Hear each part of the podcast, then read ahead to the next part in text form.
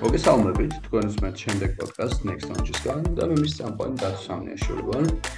დღეს გვაქვს პატივი ვისაუბროთ ჯეიმს ვების კოსმოსურ ტელესკოპზე. თან ძალიან სიმბოლური, ასე ვთქვათ, თვე არის 2023 წლის ივლისი, იმიტომ რომ 2022 წლის ივლისში ჯეიმს ვების ტელესკოპი შეიძლება ითქვას, რომ გააქტიურდა და დაიწყო მუშაობა 12 ივლისს ვიხილოთ ვიხილეთ მისი პირველი ფოტო. და მას მოყვა და მოყვა შემდეგი ფოტოები, აღმოჩენები, კვლევები, მოკლედ ძალიან ბევრი რაღაცა, რაზეც ზუსტად დღეს ვისაუბრებთ და შევაჭამთ იმ ერთ წელს თუ რა ვისწავლეთ და რა დაგვანახა ჯეიმს ვებმა კაცობრიობის ახალმა თვალმა, როგორცაც მას ხშირად ეძახიან ხოლმე. და ჩემთან ერთად არის მიხეილ ჭაბუკაშვილი, საზოგადოებრივი მაუწყებლის სამეცნიერო ჟურნალისტი და როდესაც ფიქრობდი თუ ვინ უნდა მომიყვან და ვინ უნდა მომეწვია ამ თემას ასაუბროთ, პირველ მიხეილი გამახსენდა, მე და მიხეილმა ერთი წლის წინ ასევე ვისაუბრეთ ჯეიმს ვებზე, ვისაუბრეთ როგორ გაეშვა ის და ძალიან გვიხაროდა, მაშინ ძალიან დიდი მოლოდინები მქონდა და ეს მოლოდინები შეგვიძლია ვთქვათ, რომ გამართლდა კიდევაც და წინ ძალიან ბევრი ძალიან მნიშვნელოვანი აღმოჩენებია, მოკლედ ძალიან როგორ გამიწევდეს. მოგესალმები მიხეილ, როგორ ხარ? გამარჯობა დათო, მოგესალმები. მიხარია რომ კლავ ვარ შენ პოდკასტის სტუმარი. მივესალმები ჩვენს მსმენელს. მადლობა, მადლობა და რა ვიცი, ანუ აი მანამ დავიწყებდით ხა ჩაწერას, იმაზეც ვისაუბრეთ, ხო, რომ არენ ადამიანები, ასე ვთქვათ, რომლებსაც აა მეც ველოდით ასე ამბობენ ხოლმე, ხო, და თითქოს რაღაცა უცხო პლანეტელის ფოტოს ელოდა ზოგი მე მგონი, რომ გაღიმებული უცხო წვანე თავება თავიანი კაცი რო ხელს გვიქნას რაღაცა ეგეთ ფოტოს მგონი.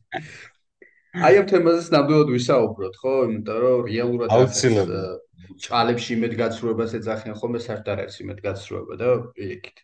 მოკლედ აი ამ თემაზე ვისაუბროთ და დავიწყოთ ალბათ იმით თუ პირველ შეკითხვას ესეც დაგისვამ, რომ როგორ გაამართლა და რამდენად გაამართლა ჯეიმს ვებმა შენი იმედები? აა პირველ რიგში მე როგორც ჯეიმს ვების ერთ-ერთი ყველაზე დიდი გულშემატკივარი ის ურიცხო ფანს შორის.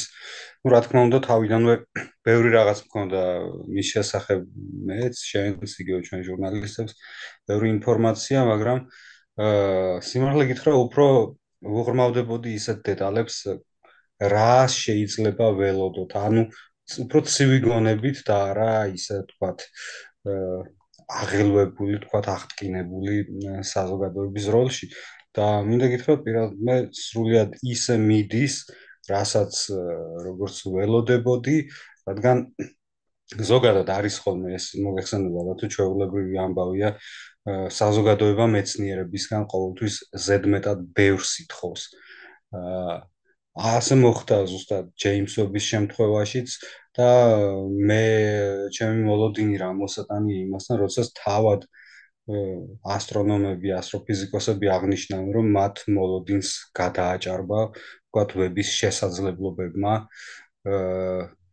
აღმოჩენების თვალსაზრისით. ასე რომ ჩემი აზრი ამ შემთხვევაში ნაკლებად მნიშვნელოვანია, მაგრამ როგორც მისი გულშემატკივარის იმედების შეიძლება ითქვას, პირწმინდად გაასრულა და გაამართლა და ჯერ სადვართ, ანუ ჯერ კიდევ რამდენი რამ გველოდება წინ. და შენ შე როგორ გაგიმართლა იმედები. არა, მეც მე ზუსტად იგივე შემიძლია ვთქვა, იმიტომ რომ აა რასაც ველოდით, ძალიან ბევრი რაღაცა ვნახეთ ხო პირდაპირ მნიშვნელობით ნახეთ ისეთი რაღაცები, რა ვიცი, უშორესი galaktikები დაგვანახა, დაგვანახა საერთოდ ისეთი galaktikები, რომლებიც საერთოდ სამყაროს ასაკთან დაკავშირებით ხო შეკითხვებს აჩენს. რო საერთოდ უფრო დიდი ხო არ უნდა იყოს, რატომ არსებობდნენ ესეთი galaktikები სიტყვაზე სამყაროს რაღაც საწყის ეტაპზე, აა იქ საუბარი არის რაღაც ვარსკვლავების ამ galaktikების ჩამოყალიბებაზე. ну, მაგას თუ თავი დავანებოთ, რა ვიცი, ეგზოპლანეტების ატმოსფეროს შეხედება რამის და ხო. და ამ მიმართულებით ჯერ ფაქტობრივად არც დაუწყია ისეთი სრულმასშტაბიანი მოქმედება ეგზოპლანეტების მიმართულებით. და ის კარგი აქცენტი იყო, რაზეც გამახვილე შენ ყურადღება მოლოდინებთან დაკავშირებით. ადამიანს ზოგადად ხო ალბათ მეცნიერული მეთოდის არსი უნდა გვესმოდეს პირველ რიგში ყველაზე მეტად, როდესაც ასეთ პროექტებთან გვაქვს საქმე და შეხება. ადამიანებს ხო ჩვენ რიგით არამეცნიერ ადამიანებს და გულშემატკივრებს ყოველთვის გვეჩქარება, სადღაც გვეჩქარება, რომ აი მალე, მალე, მალე ეს რა არის ეს აა ეს ხო ისედაც ვიცოდი და ასე შემდეგ და ასე შემდეგ. აი ზუსტად ეს ხდება ახლა ჯეიმს ვებთან მიმართებაშიც. ჩვენ გვეჩქარება არა და იმის იქით ხო, რამდენი სამუშაო, რამდენი მუხლჩაუხრელი, თქვათ, შრომა, ანალიზი, მონაცემთა დამუშავება და ასე შემდეგ და ასე შემდეგ და თუნდაც ის რა დღის რომ ჯეიმს ვები, თქვათ, ამ მткиცებს და მეტ მткиცებულებას მატებს იმ თეორიებს, რომლებიც და ჰიპოთეზებს, რომლებიც კი ბატონო არსებობდა, მაგრამ მხოლოდ მეცნიერთა გონებაში არ გაგვაჩნდა მისი მткиცებულებები. და ეს საზოგადოებას მიგვაჩნია რაღაც ისე თქვა თითქოს ვითომ არაფერი. ეს ხო ვიცოდით ისედაც ხშირად შეხვდები ხოლმე ასეთ კომენტარს. მაგრამ წმინდა მეცნიერულ თვალსაზრისით ხო ძალიან ბევრს ნიშნავს და აი ეს ნაბიჯ ნაბიჯ როგორც თქვა ჯეიმს ვები მიუყვება ამ ყველაფერს ამ თავის დიდ გზას რომელიც ალბათ შეიძლება კიდევ უფრო მეტ ხანს გაგრძელდეს ვიდრე ჰაბლის კოსმოსური ტელესკოპი ხო? რამდენიმე 10 წლეულიც კი. ხო არა ჰაბლმა მაგნხრივ თავისი გერა და საერთოდ რეკორდები მოხსნა. ხო არავინ არ ელოდა და ვერ წარმოიდგენდა რომ თავიდან ყოველ შემთხვევაში რომ ამდენი ხანი მუშაობდა იმოქმედებდა და მაგმხრივ ხო რაღაცა ეს იმას მომსგავსებ ხოლმე რა პროდუქტს რო ყიდო, აი რო ამბობენ ხოლმე, რომ სიტყვაზე აი ამდენი წელი უნდა იმუშაოს. ჰაბლზეც ეგრე იყო, მაგრამ ეს რაღაც იმას გავს, პროდუქტს რო ყიდულობ, რაღაცა ის სიტყვაზე ტექნიკა. ვადას რომ აწერენ. აი ხო, ხო. ან გარანტიას რო აწერენ, რომ აი მაგალითად 2 წელი აქვს გარანტია და აი ზუსტად ეგვარინ, მაგრამ არ დაგვაუწეს რომ ჰაბლი შეაკეთეს ერთხელ იქ ორბიტაზე, რაც აა შემთხვევაში გამორიცხულია, მაგრამ არის მეორე მომენტიც, ახლა თუ გავითვალისწინებ ჰაბლი, როდესაც გაუშვეს იმდროინდელ ტექნოლოგიებს, ხარვეზის შანსი მეტი იყო, ხო და ახლა გავითვალისწინოთ რა ეპოქაში შეიქმნა ჯეიმს ვები და როდის გაუშვეს. და შესაბამისად ისი ძინას არიცოდნენ რომ ისი შეკეთება შეუძლებელი იქნება ისეთ ადგილზეა ორბიტაზე, ხო? და შესაბამისად ნამდვილად ალბათ გაცილებით მეც უნდა ველოდოთ ოპერირების დროს ვიდრე ჰაბლის შემთხვევაში. აი საინტერესო რაღაც თქვი შენ ახლა რეალურად რომ ჯეიმს ვები არის ჯეიმს ვების კოსმოსური ტელესკოპი არის ბევრად ჩორს ვიდრე არის ჰაბლის ტელესკოპი ჰაბლის ტელესკოპი ვიცით რომ ჩვენ პლანეტის ორბიტაზე არის ჯეიმს ვების ტელესკოპისგან განსხვავებით და შეგვიძლია რაღაც აი ამ თემითაც დავიწყოთ და ქრონოლოგიად მივყვეთ. შეიძლება ვიღაცამ არ იცოდეს ხო? და აი შეიძლება ეგეც ხაზი გაუსვათ ხო? სად იმყოფება რეალურად სად არის ჯეიმს ვები რატომ გაუშვით ესე შორს და რა ბენეფიტები აქვს ის იმ ლაგრანჟ ლაგრანჟის იმას რაც შეძახით ხოლმე ხო? სადაც იმ ორბიტაზე სადაც ახლა არის ჯეიმსების კოსმოსური კი ანუ ხო ჯეიმსები ლაგრანჟის მეორე წერტილში იმყოფება ანუ ეს ცოტა ძალიან მარტივად რომ ავხსნათ მსმენელისთვის ძალიან მარტივად. ყოველ ორ სხეულიან სისტემაში ამ შემთხვევაში ავიღოთ დედამიწა და მზის სისტემა მათ აქვს ლაგრანჟის რამდენიმე წერტილი ასე ვთქვათ და მეცნიერები მიხვდნენ რომ ეს წერტილები პრიად გამოსადეგი შეიძლება ხელსაყრელი შეიძლება იყოს ვთქვათ ჩვენი კოსმოსური ხომალდებისთვის. იგივე აი ზუსტად ლაგრანჟის წერტილია ის სადაც იუპიტერს მიყვებიან ტროელ ასტეროიდებს ეძახიან ანუ უკან მიდევნებულები საერთო ორბიტაზე უბრალოდ მიყვებიან უკან ერთ-ერთ ლაგ აი ჩავთვალოთ რომ ზუსტად აი ასეა ჯეიმს ვები დედამიწასთან მიმართებაში. დედამიწა როდესაც მზის გარშემო მოძრაობს, მას უკან მიყვება ჯეიმს ვები. და ბენეფიტი ერთ-ერთი მთავარი ის არის, რომ საწვავის წვის თვალსაზრისით გაცილებით ეკონომიურია და მეორე ის, რომ ჩრდილში არის უფრო დიდი ხნის განმავლობაში, თქვა დედამიწის ჩრდილში მოქცეული, რაც მისთვის კრიტიკულად მნიშვნელოვანია, როგორც ტემპერატურული თვალსაზრისით, ისე თქვათ კოსმოსის ჭრეთის ხრი. აი საწვავი ახსენე და ეგეც ისეთ არის. შეიძლება შემოხვედრია რომ უკითხავთ რომ ესეთ როგორ მუშაობს, რა შორს არისო და აი მაგაზეც ხო ვთქვა ერთი ორი სიტყვა. ვირტუალ საწვავზე მუშაობს ხო ეს ყველა ასეთი აპარატი, რომელიც თქვათ ისეთ მანძილზეა წასული, რომლის თქვათ მომარაგებაც შეუძლებელია, ან მუშაობს ხოლმე მზის ენერგიაზე, ან ვირტუალ საწვავზე, ან კონკრეტულად ელემენტს არ ვიცი ზუსტად ეს დიდი ალბათობით პოლონიუმი იქნება ამ შემთხვევაშიც რა თქმა უნდა წინასწარ არის გაწერილი აი ვოიაჯერებშიც თუ არ ვწდები იქაც პოლონიური. ხო წინასწარ არის გაწერილი თქო მარაგი რამდენი ხნის განმავლობაში შეიძლება იყოს. ну მარსის აპარატები ძირთად ის მზის პანელებზე იყო მოგეხსენება და იმიტომ შე იყო ასეთი ხანმოკლე ერთ-ერთი ინსაიტის მისიაც ხო? მტვერი დაედო უკავოდ არ შეიძლება აქვს თქვა დამხმარე მზის პანელიც არ არის გამორიცხული ახლა ასეთ დეტალებს არც აქცევთ ხოლმე ყურადღებას იმდანაც უმნიშვნელო შეიძლება იყოს თქვა იქ მზის ენერგიის წილი მაგრამ ვებისთვის მაინც კრიტიკული არ ვიცი თავს ვერთავდე ნამდვილად. კი კი ნამდვილად ხო მეც ეგ ინფორმაცია მაქვს რომ მაგ პრინციპზე მუშაობს და აი ხო მზის იმაზე მართალი გითხრა მეც არ გამიგია ხო, მართლა არ არ მსმენია სტავს. კი ბატონო. ხო, რავი, ალბათ შეგვიძლია დავიწყოთ, ხო? აი 12 ივლისი ვახსენე, შარშანდელი პერიოდი და როდესაც უკვე რეალურად გეიმსვები ჩაირთო, იმიტომ რომ რო რადგან თქვით ჩვენ ლაგრანჟის მეორე წერტილი ვახსენეთ ესეც, ხო? რაც ნიშნავს იმას, რომ ძალიან შორს არის დედამიწასთან. აუ, მე მგონი მილიონი ნახევარი კილომეტრი თუ სწორად მახსოვს, რაღაც ძალიან შორს. ხო აი ზუსტად კილომეტრებში მეც არ მახსოვს, თუმცა ის ვიცი რომ ადამიანი ფიზიკურად ეგრე შორს არ ყოფილა. გამორიცხული. ან თვარეზეც ბევრად შორს არის ვიდრე თვითონ თვარეა ამ შემთხვევაში. კი ბატონო.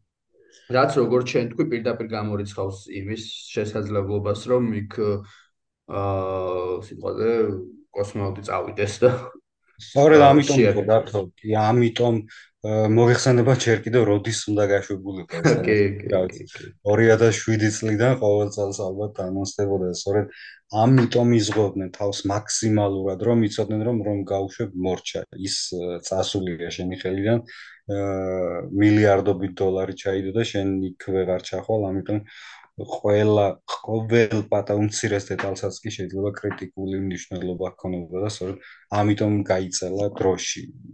ну ასე შორს უშუალოდ ჩვენგან. ნამდვილად, ნამდვილად. მოდი მოკლედ ესე გადავიდეთ ჩვენს პირველ ფოტოზე, ხო?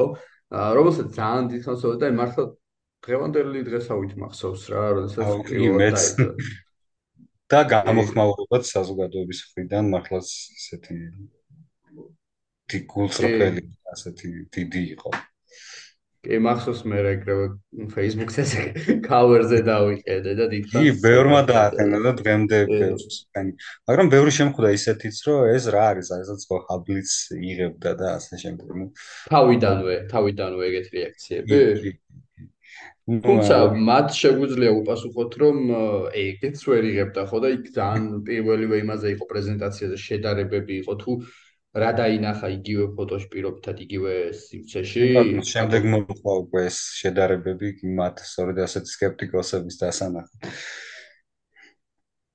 მოდენა ისეთი მასშტაბური იყო თავისავად გახსოვს ალბათ ბაიდენმა წარა წარუდგინა მსოფლიოს ამერიკის პრეზიდენტმა და მას შემდეგ დაიწყო და რა დაიწყო? ანუ ძალიან მე და შენ საუბრობდით თქვათ ჩანაწერს მიღმაც რომ ვებს თქვათ უკვე იმდენი აღმოჩენა აქვს რომ ბევრი მათგანი ჩვენი მედიის ყურადღების მიღმარჩება იმიტომ რომ ხშირად შეუძლებელია მიყვეთ თუ უშუალოდ მათ ვებსაიტზე არ შეხვედი და არ გაეცანი და ჩვენ მედია ვცდილობთ ხოლმე რომ საზოგადოებას მხოლოდ გამორჩეულთა შორის გამორჩეული აღმოჩენები მივაწოდოთ. რეალურად მართლა ბევრი ისეთი თქვათ უკვე აღმოჩენაც დაკვირვებაც აქვს ჩატარებული რაც ფართო საზოგადოებისთვის ძალიან ნაკლებად საინტერესო იქნება. და რეალურად მისი დანიშნულება ხომ არ არის თქვათ ესე ყოველდღე თქვათ ყურადღების ცენტრში იყოს და ასე შემდეგ და ასე შემდეგ რომ ყველაფერი ყველამ გაიგოს და მოიხსენება თუ იწრო სპეციალიზაციის არის ასტროფიზიკა ზოგადად. ამიტომ რასაც ვიგებთ, რა აღმოჩენებსაც ვიგებთ მისგან, ისიც კი ნამდვილად ნიშნულოვანია და კიდე ერთი მომენტი არის, აი ჩემი სუბიექტური აზრით, ვების შესაძლებლობები აღმოჩნდა იმდენად დიდი და იმდენად მასშტაბური, ჩემი აზრით კაცობრიობა ამისთვის არ იყო ერთგვარად მზად და თავად მეცნიერებიც არ იყვნენ მზად. თქვათ ვისაც მის მონაცემებთან უწევთ მუშაობა. ანუ ერთგვარად ძალიან დიდი ნახტომი იყო არსებული ტელესკოპებიდან. ანუ შეიძლება არის ჩემი აზრით ასე რომ თავად სამეცნიერო საზოგადოებაც არ იყო მზად ისეთი დაკვირვებებისთვის და ისეთი მონაცემებისთვის რა რაც თქვათ ვებისგან მოდის ამჟამად ხო, ძალიან საინტერესო რაღაც თქვი და ის თავში ვახსენეთ კიდევაც, რომ აა საუბარი იყო ის galaktikების ფორმირებაზე, რომლებიც კი, ადრეული სამყარო, ხო, მისი ძირითადი დანიშნულება ეს დიდი აფეთქებიდან უკვე რამდენიმე მილიონი წლის შემდეგ, რამდენიმეში იგულისხმება მართლა რამდენიმე და არა რა 10 კი არა და 500 მილიონი და ასე შემდეგ. ანუ უშუალო პირველი რამდენიმე მილიონი წლის კვლევა, რასაც ვთქვათ, ჰაბლის შესაძლებლობები ვერ წვდებოდა. და სწორედ აი იქ იმალება ძალიან ბევრი პასუხი ხო იმ იმ პერიოდში სამყაროს შესახებ და სწორედ ეს არის ვების ერთ-ერთი ყველაზე ძირითადი დანიშნულება იმ მრავალ მიზანს შორის, ვთქვათ, რაც ამ მისიას გააჩნია.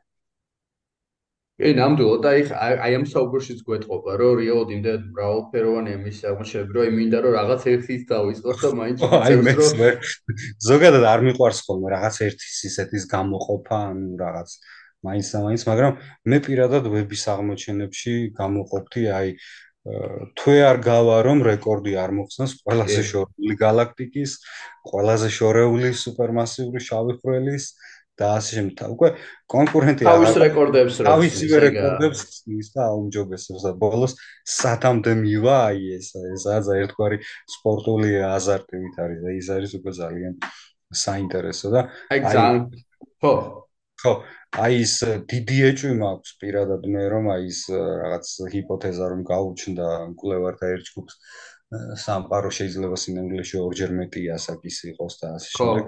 სწორედ ვების აღმოჩენებმა უბიძგავ თქვა ამ მიმართულებით წასვლისკენ, თქვა ამ მიმართულებით აზროვნების განვითარებისკენ, რადგან თავარი ერთ-ერთი მისტიკა ხო, რაც არის ადრეულ სამყაროში, რაც თავსატეხი თანამედროვე კოსმოლოგიაში არის ის, რომ როგორ გახდნენ დიდი აფეთქებიდან დროის ასე მოკლე მონაკვეთში ეს შავი ხვრელები ამხელა სუპერმასიური galaktikები ასე ჩამოყალიბებული ახლა კიდევ ნახშირბადი როდესაც აღმოაჩინა დიდი აფეთქებიდან ამ ცოტა ხნის შემდგომში 1 მილიარდზე წელიწადზე ნაკლებ პერიოდში საიდან გაჩნდა იქ ამ ტვერში ნახშირბადი როდესაც აქ იქამდე მიიჩნეოდა რომ ნახშირბადი უფრო გვიანდელ სამყაროში გამოჩნდა მეორე თაობის თქვა ვარსკვლავები ვის თქვა ციაღიდან გამოვიდა ხო მათ ბირთვებში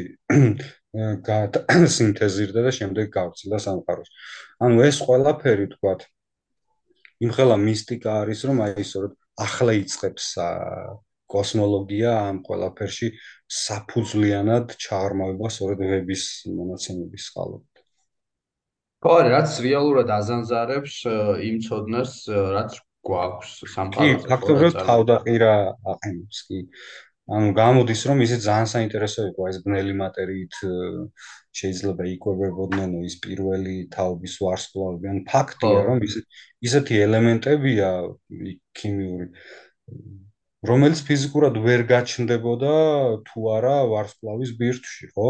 ანუ ის ვარსკვლავი თუ არ მოკვდა, ის ელემენტი ისე ვერ იქნებოდა. ანუ გამოდის რომ არის ერთ-ერთი დაკვირვების საფუძველზე ვების გაჩნდა ესეთი მოსაზრებაც, რომ მზეზე ათასობით დიდი მასიური ვარსკვლავებიც კი 1000 ჯერთან მეტჯერ მასიურიც კი შეიძლება არსებობდნენ ადრეულ სამყაროში, რომლებიც შესაბამისად მოგეხსენებათ, ხო, რაც უფრო დიდია ვარსკვლავი, უფრო ნაკლებია მისი სიცოცხლის ხანგრძლივობა, ანუ მაშინ წარმოუდგენლად ისეთ მოკლე დროში დაიხოცნენ ეს ვარსკვლავები, რომ მიმოფანტეს ეს ელემენტები. აი, ამ ყველაფერს ალბათ ამოხსნის ხები მომდევნო წლებში. ხო არა, იმიტომ რომ აი მაგაზე ხა ეს ყველა გამახსენდა მეც ჩვენს მაგას ვაშუქებდით, რომ ანუ ზუსტად აი გაჩენს ისეთ მომენტს, რომ ანუ ეს ვარსკვლავები ან იმდენად კაშკაშა შეიძლება იყოს, რომ galaktikები შეაგერიოს, ან მართლა რაღაც ცოტა აუხსნელ ფენომენთან გავს ხო შეხება საქმე რეალურად. ხო, ნამდვილად რაღაც ჯერ ისეთ რაღაც, აი ზუსტად ისაა რაც რას ვამბობდი რა, თავად არ იყვნენ მზად ასეთი მასშტაბური აღმოჩენებისთვის, ამ რასაც ახლა ვების თავაზობს, მაგრამ შესაბამისად აუცილებლად საჭირო გახდება ანალიზის ახალი მეთოდების შექმნა, რომელიც გაამარტივებს ამ ვების მონაცემთა დამუშავებას ასე შემდეგ. რაც მთავარია ხო რეალურად ეს ეგრეთ წოდებული კრიტიკოსებს პირდაპირ მნიშვნელობით ეგ შეგვიძლია უთხრათ რომ მეცნიერება ხო როგორ მუშაობს რომ როდესაც ჩვენ გვაქვს რაღაცა რომ გვაქვს ინფორმაცია მიღებული თუ იმის გადახედვა არ ხდება თუ რაღაც ინფორმაციის გადამოწმება არ ხდება ან ინფორმაციაზე ინფორმაციის დაშენება არ ხდება მაშინ ეს უკვე მეცნიერებას აღარ არის. ხო ეს რაღაცა დოგმატი არა ეს დოგმატი დოგმატიზმი გამოდის რაღაც. კი აი ესაა ჩემი აზრით ერთი მთავარი პრობლემა არა მარტო ქართულ არამედ ზოგადად სოფლიოს საზოგადოებაში რომ ანუ მეცნიერული მეთოდი რა არის არ ვიცი და აი ალბათ სკოლებში უნდა ისწავლებოდეს ეს როგორ მუშაობს მეცნიერება მართლა მაგრად გვეჩქარება რა ანუ ელემენტარული წაღან მე და შენაც საუბრობდით რამდენი კვლევა მიმდინარეობს კიბოსინააღმდეგ ხო? და იქ ყოველ კვლევაში წერია რომ ეს არ იქნება დღეს და ხვალ ეს არ იქნება დღეს და ხვალ. ის უნდა მილიონი ის ჩატარდეს ტესტიც და წლებში გაიწელება გაიჭიმება და ყოველთვის მეც ვცდილობ ხოლმე სტატიებში ამას ხაზ გასმით მივუთითო რომ მიუხედავად ამისა რომ ლაბორატორიაში თქვა კარგი შედეგები აჩვენა თაგვებზე კარგი შედეგები მაინც კიდევ წელწლები გვაშორებთ. მაგრამ ხშირად ხვდები კომენტარებს. აბა ამდენი კვლევაა, სად არის კიბოსამალი, სად არის, სად არის? აი ასეა ვების შემთხვევაში, ანუ აა რაღაც არ გვე არ გვესმის სათანადოდ ვთქვათ, როგორ მუშაობენ ასტროფიზიკოსები, ხო, ფაზლივით არის მართლა ყველაფერი აწყობილი, ერთი რომ გამოაცალო შეიძლება დაინგრეს ხო ხულასავით, ხო, მთლიანი თეორია. ნუ და მაინც ნაწილ-ნაწილ აწყობენ და მისი ერთი აღმოჩენა რაღაც ჩვენთვის შეიძლება არაფერს ნიშნავდეს, მაგრამ საკვანძო ნაწილი იყოს იმ დიდ ფაზლში, იმ დიდ თავსატეხში, ხო? რა რაზეც დგას ეს თეორია? ხო, არა, აი კიბოს ფაქტორი რო ახსენე მაგაზე არის, რომ მე მაგნიშნება ხოლმე კონსპირაციის თეორიები, რომ ბევრი შეიძლება ნახო, ვინც გეტყვის, რომ იცი რა, მაგ კიბოს წამალს აქვთ და არაჩაიდი, იმიტომ რომ ადამიანები ყველაზე მძარე კონსპირაცია ჩემი გასაგები. ხო, რომ ადამიანების რაღაცა რაოდენობის შემცირება უნდა ხელოვნურად და ბევრი გეტყვის მაგას, მართლა ბევრი ამბობს. კი, კი, კი, კი, ძალიან ბევრი ამბობს. და იქ ხდება ალბათ ზუსტად მსგავსი ინფორმაციიდან, როდესაც თვალმოკრული თუ ყურმოკრული ინფორმაცია გეუბნება რომ აი რაღაცა იქ რაღაცა განკურნეს, რაღაც ისქნეს, ესქნეს და შენ გონია რომ აი ამას თუ აკეთებენ, მე შენ ინფორმაცია გამახსოვდება ზუსტად ისე რომ მაშინ აი ხო უკვე თუ არ მკურნალობთ ამას, ხო? იგივე არის ხო, აი იგივე არის დაბერების ესე ვთქვათ ჭალებში პრევენცია. ეხა ისეთ კლუბებთან გოხალმე შეხედა დათბობა შენს და მეც რო აი რა ვიცი, ნუ მაგ პრინციპით ეგრე რომ მუშაობდეს ყველაფერი, რა ვიცი, უკვე დღეს აღარავინ აღარ უნდა ბერდებოდეს, იმიტომ რომ არსებობს სოციალური ორგანიზმები კონკრეტული ეს თავი იქნება თუ სხვა, რომელიც რა ვიცი, თავის იმასთან შედარებით ამდენს უნდა იცოს, ხო, ფაქტობრივად ორჯერ მეტი იცოცხლეს, მაგრამ ეგ სხვა არ ნიშნავს. კი, და უკუ აქციეს, ხო, რამდენი რა თქმა უნდა, გაახალგაზრდავება საერთოდაც. აი, ზან მაგარი მიმართულებაა, ზან ფართო ფრონტი გახსნა მეცნიერებამ დაბერების წინააღმდეგ და ეს ყოველთვის ზან მიხარია, რომ ჩემ ერთ-ერთი ცოტა გადაუხვიეთ თემას. ერთ-ერთი ოცნება კი არა, აი ყოველთვის ასეთი აზრი მიტრიალობდა თავში, რომ მოვა დრო ადამიანი აუცილებლად გახდება უკვდავი და აი მართლა ძალიან ფართო პროექტი გაიხსნა მიმართულებით. ხო და აი ეს სამეცნიერო მეთოდს რაც შეეხება რომ დაუბრუნდეთ, ჩემი აზრით მედიამაც უნდა სათანადოდ მიმუშაოთ ამ მიმართულებით, რომ ფართო საზოგადოებას ცოტა მეტად გავაგებინოთ როგორ მუშაობს მეცნიერება, როგორ ხდება ეს კვლევა. ანუ ბევრს გონია მაგალითად ვებს რაღაცა ფოტოაპარატი უყენიაზე და ის გააჩხაკუნებს და გადაიღებს ამ სურათს ხო? აი ხო ინფრაწითელი ასე შემდეგ ანუ მილიონი დეტალი ხო? შემდეგ რომ უნდა მოვიდეს დამუშავდეს იქ კომპიუტერული სიმულაცია დაეხმაროს, მოისინჯოს თქვა მილიონობით მოდელი და ასე შემდეგ და ასე ანუ აი ეს ყველაფერი რამხელა შრომასთან არის ამოკიდებული, ხო, შრომაზე არის დაფუძნებული, ხო? და ну, არ ვიცი, ეს პრობლემა არის სერიოზული ამის აი ცალკე ძალიან საინტერესო საკითხია ნამდვილად აი ფოტოს მომენტი რა რომ ვიღებ ვიზუალს პირდაპირ მნიშვნელობით რამხელა პროცესია მე ამის დამუშავება და ის მოცემულობა ხო რასაც საბოლოოდ ვიღებ. მაგას ხო არ თქვა 1-2 სიტყვა ანუ როგორ ხდება დაახლოებით რომ შეგვიძლია მსმენელს საინტერესებდეს აქტიურად უყურებდეს ვების აღმოჩენებს ადევნებდეს თვალს, მაგრამ აი ეს ეს შეკითხვა კონდეს და მაგაზე რა შეგვიძლია კი ძალიან მარტივად რომ ახსნათ ახლა არ ვარ პროფესიონალი ამ საკითხში არც მე არც შენ, მაგრამ გვაქვს ხო? ცოტა არაზე მეტად ბევრი ინფორმაცია, იმიტომ რომ ყოველდღურად ვეცნობით, მინდა თუ არ გვინდა ამ ამბებს ჩვენი საქმიანობიდან გამომდინარე, მაგრამ აი მარტივად რომ ახსნათ, თქვათ ჩვენ რომ სურათს ვიღებთ ხო ჩვეულებრივი ტელეფონით, smartphone. ეს არის ანუ ოპტიკური სპექტრი, ასე რომ ტელეფონის კამერა იღებს იმას, რასაც ხედავს. დაახლოებით ამ პრინციპით მუშაობდა ჰაბლის კოსმოსური ტელესკოპიც. ანუ ის აფიქსირებდა სინათლეს, რომელიც მოდიოდა შორეული ობიექტებიდან და იღებდა, ანუ მაგრამ სინათლეს მოგახსენებათ აქვს სერიოზული შეზღუდვები ის, რომ ვთქვათ, შეიძლება გზად შეხვდეს მტვერი, რაღაცა დიდი მტვრის ღრუბელი და ამ შემდეგ და ის ვერ გამოიაროს იქ და ჩაიხშოს და აიბლოკოს. ჯეიმს ვები ამიტომ გააკეთეს სრულიად სხვა სპექტრში, ვთქვათ, ინფრაწითელი დიაპაზონი. ეს ყველაზე მარტივად რომ ვთქვათ, ინფრაწითელი დიაპაზონი სითბო, ვთქვათ, გამოსხივებული ნებისმიერი რაიმე აა სხეულის. აი და სინათლისგან განსხვავებით ეს სითბო თა უფრო თქვათ ადვილად გამოივლის იმ ტრის რაღაც ღრუბელში აქვს ასეთი უნარი ტალღის ამ სიგრძეს და ამ შემდეგ და შესაბამისად ბევრ დაბრკოლებას არის აღწევს თავს. და შესაბამისად წარმოიდგინეთ ახლა ამ სითბოს მოსული თქვათ სპექტრის საფუძველზე ვებმა უნდა შექმნას სურათი. ანუ ააგოს სურათი. ანუ ეს ურთულეს ასახსნელადაც კი რთული არის ნამდვილად ეს ეს პროცესი. კი, კი, და ნუ რამდენად კომპლექსურია ეგ პროცესი, ეგ კიდე საერთოდ ცალკე თემაა. კიდევ რამდენ ამ ინფრაწითელ სპექტრში რომ კიდევ სხვადასხვა შუა ინფრაწითელი, ახლო ინფრაწითელი და ასე შემდეგ კიდევ ძალიან ბევრი.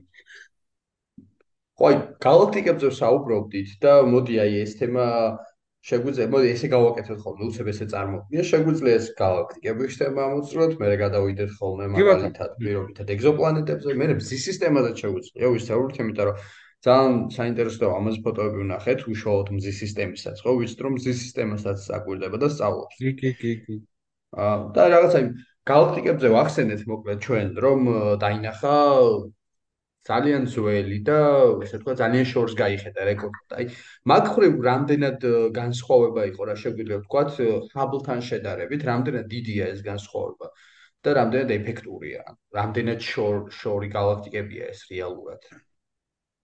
ანუ ჰაბლი ფაქტობრივად ჰაბლიც ხედავდა დიდი აფეთქებიდან რამდენიმე ასეული მილიონი წლის შემდეგ არსებულ გალაქტიკებს, მაგრამ ამ შემთხვევაში უკვე მივედით დიდი აფეთქებიდან ისეთ პერიოდთან, როცა უკვე არა ასეულ რამდენიმე და ათეულ არამედ რამდენიმე ერთეულ მილიონ წელსაც კი შეიძლება ჰქონდეს მნიშვნელობა. ანუ ვიღაცა შეიძლება მოეჩვენოს, რომ ჰაბლი თუ ხედავდა დიდი აფეთქებიდან 300 მილიონი წლის შემდეგ არსებულ galaktikas, ჯეიმსობმა თუ დაინახა დიდი აფეთქებიდან 280 მილიონი წლის შემდეგ არსებული galaktika 20 მილიონი წლის გამო ღირდა ეს, აი სწორედ ამაშია საქმე რომ მოგეხსენებათ ხო დიდი აფეთქების შემდეგ პროცესები რა რა ელვის ისრაფით ხდებოდა არა წამის მეათიათასებში და მე მე მილიონედებში ხდებოდა ხო რაღაც იყო რაღაცა ეპოქები რომელიც კოსმოსური ეპოქის საშუალე სახელწოდებით არის შესული და გრძელდებოდა თქვა დიდი აფეთქებიდან წამის რაღაცა მე მილიონედი ხნის განმავლობაში. ამიტომ მაშინ ჩამოყალიბდა ბევრი ისეთი რაღაც მიმდინარე პროცესების შედეგად, რამაც საფუძველი დაუდო შემდეგ თლიანად სამყაროს, ხო? ამიტომ დიდი აფეთქებიდან პირველ რამდენიმე ასეულ მილიონ წელიწადში ყოველი მილიონი წელიწადი არის კრიტიკულად ნიშნულოვანი იმისათვის თუ გვინდა გავიგოთ სამყაროს არსი, ანუ როგორ გაჩნდა, შემდეგ რა პრინციპებმა განაპირობა ის რომ დღეს ის არის ასეთი და რა ვთქვათ, ისეთი, რომელიც ვერც კი შეიძლება წარმოგვედგინოს, რატომ არსებობს და აი ვები სწორედ ახლა პოულობს ბევრ რაღაც ისეთს თუნდაც თუნდაც იმას რომ ვთქვათ დიდი აფეთქებიდან 200 რაღაცა მილიონი წლის შემდეგ არსებობდა galaktika, რომელსაც ჰქონდა სრულყოფილი ფორმა. ზუსტად ისეთი, როგორ როგორებსაც თქვა დღეს ხედავთ უფრო გაცილებით გვიანდელ galaktikებს, თქვა თუნდაც ჩვენსას. ანუ და იქამდე არსებული თეორიების მიხედვით ხო და მოდელების მიხედვით ეს იყო შეუძლებელი, რადგან ფიზიკურად დრო არ იყო საკმარისი იმისათვის, რომ ამხელა galaktika აწყობილიყო. მაგრამ აღმოჩნდა რომ არის. ანუ რა გამოდის რაღაცა სხვა სხვა პრინციპი მოქმედებს იქ სადღაც სხვაგან მარხია ზაღლის თავი რაც აიძულებს შემდეგ თელ მეცნიერებას რომ რაღაც შეცვალონ ანუ რაღაც ისე არ არის რომ კომფორტის ზონიდან გამოვიდეთ იგივეა რა შეიძლება. ანუ კი ნამდვილად აი ზუსტი შეფას გამოვიდნენ რაღაც ახალი ჰიპოთეზები წამოაყენონ მოსაზრებები და ასე შემდეგ და შემდეგ ეს ყველაფერი გასინჯონ შემდეგ ისე ვებს დაუბრუნდნენ და აბა დაკვირვებები ჩაატარებინონ ასე ვთქვათ რომ იმ ახლად გაჩენილი მოსაზრების ან უკუგდებისთვის ან დამტკიცებისთვის და ასე შემდეგ ამ ძალიან კომპლექსური და რთული პროცესია ხო და საკითხი და აი ასე ვთქვათ ვები მუდმივად ფხიზ ფხიზლად მოდუნების საშუალებას არაძლევს უკვე კოსმოლოგიას თამამად შეიძლება ითქვას აი იმაზეც იყო საუბარი რეალურად რომ ყველაზე მკრთალი galaktikას რო დააფიქსირა და ამ შემთხვევაში როგორც ვიცი გრავიტაციული ინზირების ეფექტს იყენებს ხოლმე ხო? კი კი კი კი ძალიან ხშირად იყენებს ჰაბლიც იყენებდა ვებიც იყენებს და კიდევ სხვა ტელესკოპებიც იყენებენ. რეალურად კოსმოსური ლინზის ეგ ახსნათ გრავიტაციული ხო ალბათ საინტერესო იქნება რომ დაწვილი ვარ ხო ხო. რომელსაც დაინტერესებს. ხო ანუ ნებისმიერი დიდი ობიექტი, ნებისმიერი ობიექტი ხო, ხო აქვს, რა თქმა უნდა, გრავიტაცია და შესაბამისად, რაც უფრო დიდი არის სხეული, მით მეტი გრავიტაცია აქვს ლოგიკური. და ისე ხდება, რომ გრავიტაცია თუ ძალიან დიდია, ძალიან ძლიერია, აიძულებს სინათლეს, რომ გადაუხვიოს იმ გზაზე არ წამოვიდეს, რითაც მოდიოდა და თქვა გამრუდდეს. აა ასე ხდება მაგალითად როდესაც აა მოდის რაღაც შორეული წყაროდან წარმოვიდგინოთ ვარსკვლავი რომელიც მდებარეობს სადღაც ჩვენგან 10 მილიარდი სინათლის წლის მანძილზე თქვა. და მის სინათლე მოდის ჩვენამდე 10 მილიონი წელიწადი უნდა იაროს რომ მოვიდეს მაგრამ ის სინათლე იმდენად მკრთალია რომ რეალურად იმ სიშორედან ჩვენამდე ვერ ვერ მოახსოვდა ხო? საერთოდ ვერც დავინახავდი თორასოდეს მაგრამ ხდება ისე რომ არა შუა გზაზე სადღაც თქვათ ეს ვარსკვლავი არის 10 მილიარდი წლის მანძილზე ხო? და სადღაც შუა გზაზე ან 5 მილიარდი ჩვენგან 5 მილიარდი წლის მანძილზე ან უფრო ახლოს ჩვენგან მდებარეობს რაღაც ძალიან დიდი მასიური ობიექტი. ამ შემთხვევაში ძირითადად იყენებენ ხოლმე galaktikat growebs ანუ უზარმაზარ კლასტერებს, სადაც თავს იყრის ათეულობით და ასეულობით galaktika. ხომ წარმოგიდგენია ჯამში მათ რამხელა გრავიტაცია ექნება. წარმოუდგენლად დიდი, ხო? და შეიძლება მოხდეს, რომ იმ ვარსკვლავის სინათლე, როდესაც მოდის, გზა წააწყდეს ამ galaktikat growas, რომელიც მის სინათლეს გამრუდებს, გააძლიერებს, ანუ უფრო აკაშკაშებს, რომ წარმოვიდგინოთ ლინზა. და მიუტანოთ თქვა სინათლის წყაროს. აი როგორც ის სწორედ აი ასეთი ეფექტი ხშირად ასლებსაც აკეთებს, აი გექნება ეს სურათები ნანახი. ერთი galaktikis 12 ასლი ჩანდა ესე გარშემო. აი რო წარმოვიდგინოთ რკალისებურად ზუსტად ლინზის კიდე წარმოვიდგინოთ და მის გარშემო რომ სინათლე ეკიაფობდეს. აი სწორედ ასე უulis ხოლმე ამ galaktikat ქროებს და სწორედ აი ეს ფენომენი ამას გრავიტაციულ ლინზირებას ეძახიან. გვაძლევს საშუალებას, რომ დავინახოთ ისეთი შორეული ობიექტები, რომელთა დანახვაც სხვა მხრივ შეუძლებელი იქნებოდა, რომ არა ეს ფენომენი. ну, როდესაც მეცნიერებამ აღმოაჩინა ამ ფენომენის არსებობის შესახებ და გენიალური რაღაცა არის, დაიწყეთ სააჩვენოდ გამოყენება. და აი ხშირად მიმართავს რა ჯეიმს ვები ამ მეთოდს არის ბუნებრივ ლინზას უწოდებენ ასეთ ამ ფენომენს, რადგან მართლაც გვეხმარება ფაქტობრივად ბუნების მიერ ნაჩუქარი ტელესკოპები არის ერთგვარი ჩვენთვის. ნამდვილად, ნამდვილად. აა, ხო და აი ეგეთი რაღაცები შეუძლია დღეს ჩვენ ტექნოლოგიას და ეგ ცოტა არ ფასდება ეგ თალკე ეს არის რო სამწუხარო ხო რაღაცაზე იმიტომ რომ მაგაზე ხა ხო აა ხო და დავიწყეთ ეს ყველაფერი იმით რომ ყველაზე მკრთალი შორეული galaktika მართლა ვეღარ ვეწევი პირადად. მე უკვე ამერია თავში სიმართლე გითხრა როდის იყო ბოლოს ყველაზე შორეული რომ მართლა ყოველთვე იცვლება. იმის იქით კი თავისი რეკორდებს მართლა. ანუ ახლა ახლა რომ საუბრობთ ხვალ შეიძლება უკვე გახდეს ცნობილი რომ კიდევ უფრო იმაზე შორეული galaktika აღმოაჩინა. ხო აი ხა ეს მაგალითად ანუ აი კონკრეტულად მე რაზეც გამახსენდა მახსოვს რომ არის დაახლოებით ამა წლის ივნისის ამბავია. და არ არის გამორიცხული ხო ანუ ჯერჯერობით რეკორდს მე ხო შეიძლება უკვე აღარ იყოს აი ამ წელს უკვე აღარ იყოს ხო ამჟამად რეკორდის სტატუსი ჯერჯერობით უფორია. იგივე ვარსკვლავზე იგივე სუპერმასიურ შავხრელებზე და ასე შემდეგ. აი შავხრელებზე ხო არ ვისაუბროთ ხო მიუახლოვდეთ ესე თქო ხო, იმიტომ რომ ვიცით ხო იგივე რომ ამ ხრივოდაც უძველესი და უშორეს შავხრელები აქვს დაფიქსირებული და აი მაგაზე რა შეგვიძლია ვთქვა გარდა იმისა რომ სიტყვაზე რამხელა მნიშვნელობა აქვს მაგას ხო? ერთ-ერთი ჩემი ყველაზე საყვარელი თემა არის როგორც ჟურნალისტისთვის შავი ხრელები და განსაკუთრებით სუპერმასიური შავი ხრელები ანუ ზოგადად ჩვენ ხო ცნობილი არის რომ შავი ხვრელი არის რამდენიმე ნაირი მასის თვალსაჩინო არის შეიძლება პატარა შავი ხვრელები რომელსაც ვარსკვლავური მასის შავ ხვრელებს უწოდებთ და ისინი ზირთად შავი ხვრელის ჩვენ ამჟამად ჩვენთვის ცნობილია შავი ხვრელის დაბადების ერთადერთი გზა. ანუ უნდა მოკვდეს რაღაცა ძალიან მასიური ვარსკვლავი მზეზე გაცილებით დიდი რომ მის ადგილას იმ დარჩენილი ბირთვი თავის თავში კოლაფსირდეს და წარმოიქმნას იქიდან შავი ხროლი, ხო? ანუ მზის ესეც ყველაფერი მეცნიერებამ უკვე იცის, რომ მზის ზომ მასის ვარსკვლავებისგან წარმოიქმნება თეთრი ჯუჯა, თქვა დედამიწის ზომის სხეული, რომელსაც უზარმაზარი გრავიტაცია აქვს. მზეზე რაღაც რა არ მახსოვს ამ ციფრებს შეგნებულად არ არ ვიმახსოვრებ ხოლმე. მზეზე თქვა პირობითად 50 ჯერ და უფრო მეტ ჯერ მასიური ვარსკვლავებისგან. სიკვდილის შემდეგ წარმოიქმნება უკვე არა თეთრი ჯუჯა არამედ ნეიტრონული ვარსკვლავი ხო?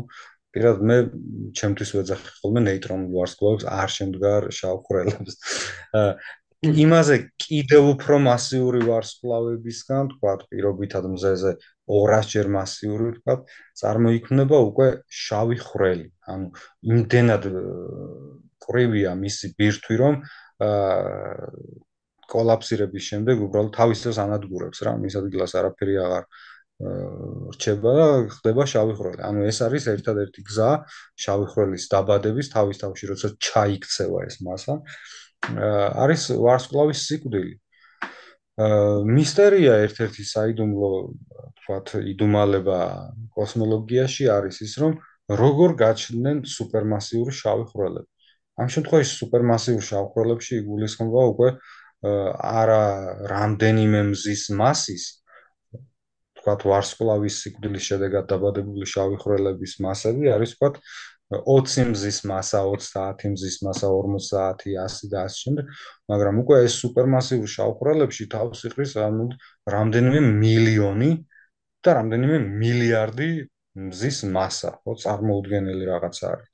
და ანუ ცხადია ლოგიკურად ამჟამინდელი მოდელის მიხედვით რომ მიყვეთ რა უნდა მომკვდარიყო, რა ამხელა ვარსკვლავი უნდა აფეთქებულიყო, ხო? რომ მის ადგილას დარჩენილ შავხრელს რამდენიმე მილიარდი ზის მასა ქონოდა. ანუ აქ სხვა რაღაც მოხდა, ანუ ძირითადი თეორია არის ის, რომ ეს პატარა შავხრელები დაეჯახნენ ერთმანეთს მილიონობით და მილიარდობით წლის განმავლობაში და ეს ერთმანეთთან შეჯახების და შერწყმის შედეგად გაჩნდა სუპერმასიური შავი ხვრელი, ხო? და ყველაზე მნიშვნელოვანი და თუ ამ შემთხვევაში არ დაგვაუწყდეს, რომ ეს სუპერმასიური შავი ხვრელები galaktikების galaktikis ცენტრში არის. ანუ თითქმის ყველა დიდი galaktikis ცენტრში არის ერთი სუპერმასიური შავი ხვრელი, მზის მასებით ვსამალთ, ხო? რომ რომელშიც თავს იყრის ამდენი მილიონი ან მილიარდი მზის მასა და აი ყველაზე მარტივად რომ წარმოვიდგინოთ, მთელი galaktika აწყობილია მის გარშემო. ანუ ცენტრალურ როლს ასრულებს სუპერმასიური შავი სისტემაში როგორც მზეა ხო ზუსტად როგორც მზე არის სისტემის ცენტრი ისე მის გარშემო მოძრაობს ყოველი ობიექტი ანუ ყველა ვარსკვლავი ყველა ანუ და ნეიტრონული ვარსკვლავი ყველა პატარა შავი ხვრელი ანუ ყველაფერი მის გარშემო მოძრაობს ხო და მათ შორის ჩვენც რომლებიც ესე ვთქვათ მზის მზის კერტ galaktikis ცენტრის გარშემო ვბრუნავთ ხო?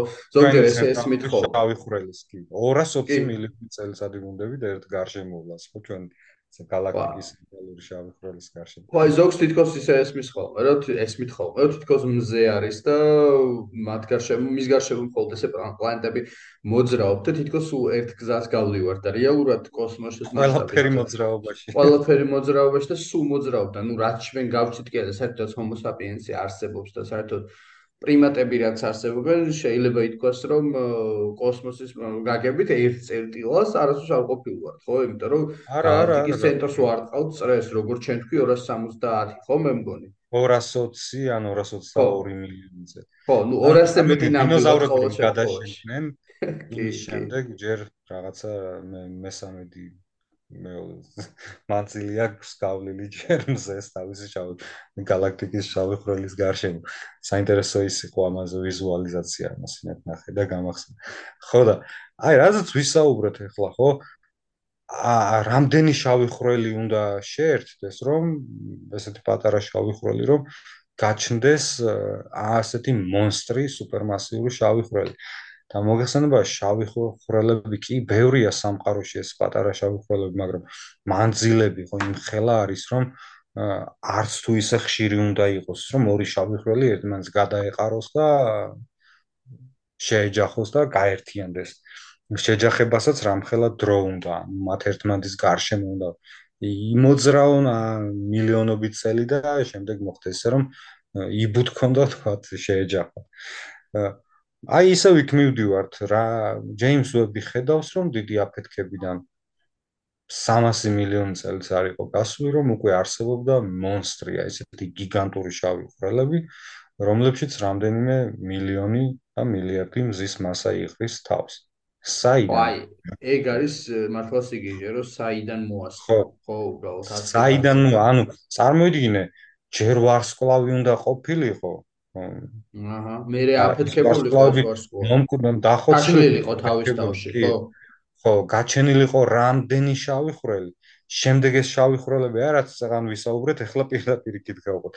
შემდეგ ეს შავი ხვრელები შეერთებულიყვნენ ერთმანეთში. შემდეგ კიდე და აი წარმოიდგინე სიგიჟეა რა სულ. და ფაქტია რომ არის. რანაირად ეს უკვე მართლა არ ვიცი. და ხო არის რაღაც დონეზე თეორიები არ შეიძლება მეშლება მეგრე მახსოვს რომ არის რომ აი ჰიპოთეზები კი არის ბევრი არის მაგრამ საწყის მატერიალიდან აი ისე ასკულის ხო აი სიტყვაზე თვითონ დიდი აფეთქების მომენტიდან შეიძლება გაჩერილიყო რაღაც ჩავი ხროლები რომლებიც მაკედან მოყოლებით იზრდებიან. ანუ არა იმ კლასიკური გაგებით ხო ანუ ჰოკინგს კონდა თუ არ ვიცი კი ჰოკინგს კონდა რომ არ მაშინ გაჩნდნენო ატომის მიკროსკოპული შავი ხვრელები ან ატომის ზომის და იმპერატორი ისინი ერთდებოდნენ ნელ-ნელა. თუმცა ეს ჰიპოთეზა ჯერჯერობით ჰიპოთეზად რჩება. კიდევ არის ასეთი ერთ-ერთი ჰიპოთეზა, რომ შეიძლება ბნელი მატერია კოლაფსირდებოდესო პირდაპირ შავ ხვრელადო ან შეიძლება ხო ან შეიძლება თქვა ეს ამ პატარა შავ ხვრელებში ბნელი მატერიაში თაინთქმებოდეს, ანუ ამჟამად რომ მიგვაჩნია რომ ბნელი მატერია არ ურთიერთქმედებს ნორმალურ მატერიასთან ჩვეულებრივი გზით. მაგრამ შეიძლება სინამდვილეში იყოს ისე რომ მაშინ ისეთი გარემო პირობები იყო რაღაც რომ ან ძალიან კარგად თაინთქმებოდა იმ სუპერმას იმ პატარა შავხვრელში რომელიც შემდეგ გაიზარდა ასეთი მონსტრი. კიდევ არის ესეთი ჰიპოთეზა რომ აა ისეთი რაღაცა ბევრი ვარსკვლავი შეიძლება ყოფილიყო მაშინ რომ ამ პატარა შავხრელებს ანუ წარმოუდგენელი სისწრაფით გაენადგურებინათ და შტაინდკათ თავის თავში ძალიან დიდი ოდენობით და ძალიან ბევრი ვარსკვლავი და უფრო სწრაფად გაზრდილიყვნენ. აი ძალიან ბევრი მოსაზრებაა, მაგრამ თავარი მიზანიც ხომ ჯეიმსობის ერთ-ერთი ეგ არის რომ ამ მოხსნას ეს საიდუმლო ასე მოკლე პერიოდში ამდენი რამ როგორ იყო? ხო არა ეგ კიდე ძალკეთება არის. მათ შორის პრობლემი მატერია ვახსენე. თუ მსმენელს შემიძლია უთხრა ვინც არიცით რა არის პრობლემი მატერია შეგვიძლია ვთქვა ორი სიტყვით იმიტომ რომ ამას თქვა ვერ გავყვებით ანუ ეს კიდე საერთოდ ძალკეთება რაზე თქვა შორის. ყველა უფრო დიდი თემაა ვიდრე. კი კი კი საერთოდ დიდი თემაა და მაგაზე შეგვიძლია ვთქვა, რომ ნექსტე გვაქვს ნეინ მატერიალს ენერგიაზე შესაბამის პოდკასტი და თუ ეს დაგაინტერესებთ, შეგიძლიათ შემდეგ დასეჩოთ და გადაყვეთ. აი, გაუშვა ახლა ზუსტად კოსმოსური ჩვენს. კი, წელს, წელს. რამდენიმე ამ თვეში, ამ თვეში. ამ თვეში იყო მე მგონი. ნუ ერთი თვის ამბავია და მაქსიმუმ. რომელმაც უნდა შეისწავლოს ზუსტად ეგ და აი ორი სიტყვით შეგვიძლია ვთქვათ კიდევაც რომ ის გაგებით ხო კლასიკური გაგებით ას კოსმის მატერია დაახლოებით 5%-ია მთლიანი სამყაროს ხო თუ არ მეშლება და დანარჩენი მოდის უმეტესი ნაწილი ბნელ ენერგიაზე და დანარჩენი შემდეგ ბნელ მატერიაზე პნევმატერიაზე უკვე. რაც ესე ვთქვათ, რას ნიშნავს, რომ რაღაც დონეზე ჩვენ სამყაროს 5%-ს ხედავთ, ხო? ანუ კიდევ ერთხელ ხაზს უსვამ, ამ ამაში გულისხმობ ამ 5%-ში თელი ეს galaktikები, ვარსკვლავები, პლანეტები, ჩვენ. ყველანაირი ხილული მატერია. კი ბატონო. კი ბატონო. დანარჩენი რაღაც უნდა იყოს, რომელიც სამყაროს შეკუმშვასა და გაფართოებასთან უნდა იყოს დაკავშირებული. ამ ეტაპზე ვიცით, რომ ბნელი ენერგია ძლავრობს. და ну ეს ცალკე თემაა კიდე ხო ნამდვილად. უბრალოდ ეს პატარა გადახვევა რო ახსენეთ ჩვენი კნელი მატერია და დაახლოებით რომ ვინც არის ის ყველა წარმოქმნა ხო და ყველაზე ესეთი რას გავამახვილოთ ყურადღება კიდევ ბევრ შეიძლება გაუჩნდეს კითხვა საიდან იციან რა რანა საიდან გამოიგონ ეს თქვა რომ კნელი მატერია არსებობს. ну მართ ყველაზე მარტივად რომ მავხსნათ არის ის რომ თქვათ ავიღოთ galaktika ბნელი მატერიის არსებობას ვიღებ ვიგებთ იმ ურთ თქვათ გზეგავლენით რაც მას აქვს თქვათ სხვა დანარჩენ მიმდებარე სივრცეზე და ობიექტზე. ამ შემთხვევაში გულისხმობა გრავიტაცია.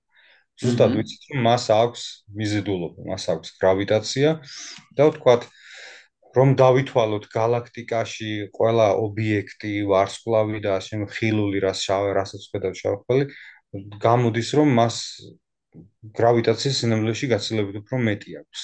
ანუ რაღაც არის ყველაზე მარტივად რომ ვთქვათ, იმ მატერიის გარდა თანაც გაცილებით მეტი. ან ყველაზე ესე ასე შეიძლება ავხსნათ ეს ურთულესი საკითხი. ой, ეგ თან მაინტერესებს. სხვა შორის აი მისაუბრია ფიზიკოსებთან მაგ თემაზე, იგივე აი ამ პოდკასტების ფარგლებშიც და ფორმატშიც და აა რამდენიმე მესეთი რაღაც თქვა, რომ ეს ბნელი მატერიაო მაინც შეიძლება იყოს რაღაცა პირობითიო და იქ გადიოდეს სხვა რი უბრალოდ ეს იმას ნიშნავს, რომ ჩვენ უბრალოდ რაღაცა არ გვესმისო, მაგრამ მაგას ბოლომდე არ მიუყვებ, მე მაინც უფრო მგონია, რომ აი მართლა რაღაც ბნელი მატერია, პირობითად ბნელი სიტყვაზე, იმიტომ რომ იმ ის გამახსენა ამან რა აინშტაინმა რომ აინშტაინს რატომაც არ მოსწონდა კვანტური მექანიკა ხო რომ არ ეჯერა ბოლომდე მაგ პრინციპის, ანუ განუზღვრელობას უგულისხმობდა, რას ამბობდა ხოლმე, რომ ბოლომდე იმას აწვებოდა, მოკლედ, რომ უბრალოდ რაღაცა არ გვესმისო და თუ ეს განუზღვრელობაო და ეს კამათლის ფენომენი, ანუ ეგრეთ წოდებული ხო, ღმერთი კამათლით არ თამაშობს აინშტაინის გამო. კი, აბსოლუტურად სწორად, სწორად გაუს, სწორად აღნიშნე და თუ მეც მეც შენს აზრზე ვარ, გეთახა. ხო, აი, მეც რაღაც, იმიტომ რომ უთქვამთ რამდენი ფიზიკოსი ხო, ვინც მითხრა, რომ არა, უბრალოდ თუ აუხსნელიაო და უბრალოდ აიხსნება ეგო რა და ну მე მაინც უფრო აიქითკენო. ეგ ძალიან მარტივი გამოსავალია ალბათ ჩემთვის. ხო, ხო, რაც ნილს ბორმა უთხრა, გონი ნილს ბორი იყო და არა ჰაიზენბერგი, მედი არ მეშლება, რომ უთხრა, რომ მოდიო აინშტაინის მიმართ ამ შემთხვევაში რომ ღმერთს ნუ ეტყვიო რითი ითამაშოსო რა. ანუ აინშტაინი ხო თქო რომ ღმერთი გამოთ და თამაშოსო ნუ იტყვიო რა მოკლედ. არავინ არ იცის რა ის რას აკეთებს პირობითად ეს ღმერთი ბჭყალებში ისე. ხო და ნუ მოკლედ ამ შემთხვევაშიც ეგ არის რა. აი აი ამ საუბრიდანაც ეთყობა რეალურად ჯეიმს ვებს რომ საუბრობ ჯეიმს ვების ერთ წელზე და სადარ წავედით ეგრევე გადადიხარ და იგივე არის მეცნიერების შემთხვევაში თუ სულ გადაყავხარ რა სხვაგან რა მოდი ხა ეგზოპლანეტებზე გადავიდეთ. ესეც ვახსენეთ, მაგრამ უფრო კომპლექსურად შეგვიძლია ამ თემას შევეხოთ. აა ვიცით, რაც გააკეთა, ხო? ანუ ესე ვთქვა, შეიძლება ვთქვას ეგზოპლანეტების შიგნითაც შეიხედა გარკვეულწილად, ხო? და აი ამ ხრივ რა შეგვიძლია ვთქვა, რამდენად აა რას წაკეთებს ჯეიმსოვი? ალბათ ვების მეორე პრიორიტეტად შეიძლება შეითვალოს ეგზოპლანეტები, ну ამ ადრეული სამყაროს შემდეგ. ეგზოპლანეტები რო ერთგვარი ბუმი არის ახლა ნამდვილი ეგზოპლანეტები ასტრონომიაში, ასტროფიზიკაში, რადგან ანუ 90-იან წლების დასაწყისში აღმოაჩინეთ პირველი ეგზოპლანეტა და ახლა უკვე 5000 გადაცდა, ხო? აი მოდის ჩაგერთვები. ეხა მაგაზე გამახსენდა, ეხა ვკითხულობ ზუსტად ვანფავრებ სკალსეიგანის მკრთალ ლურჯ წერტილს. სულ ხო რამდენიმე წლის წინ არის 90 ათიანების დასაწყისში მგონი ეს ციგნი დაწერილი გამოსული და აი იქ ახსენებს ალსეიგანი რომ სულ რაღაც თიძე ჩამოსათვლილი ეგზოპლანეტები ვიცი და მე იქვე რედაქტორი შენიშნა და უკვე აი ამ ეგზოპლანეტები ამდენად სწრაფად ვითარდება ხო აი ამდენად სწრაფად ვითარდება. 92-ში აღმოაჩინეს თუ არსები პირველი ეგზოპლანეტი ისიც პულსარის გარშემო.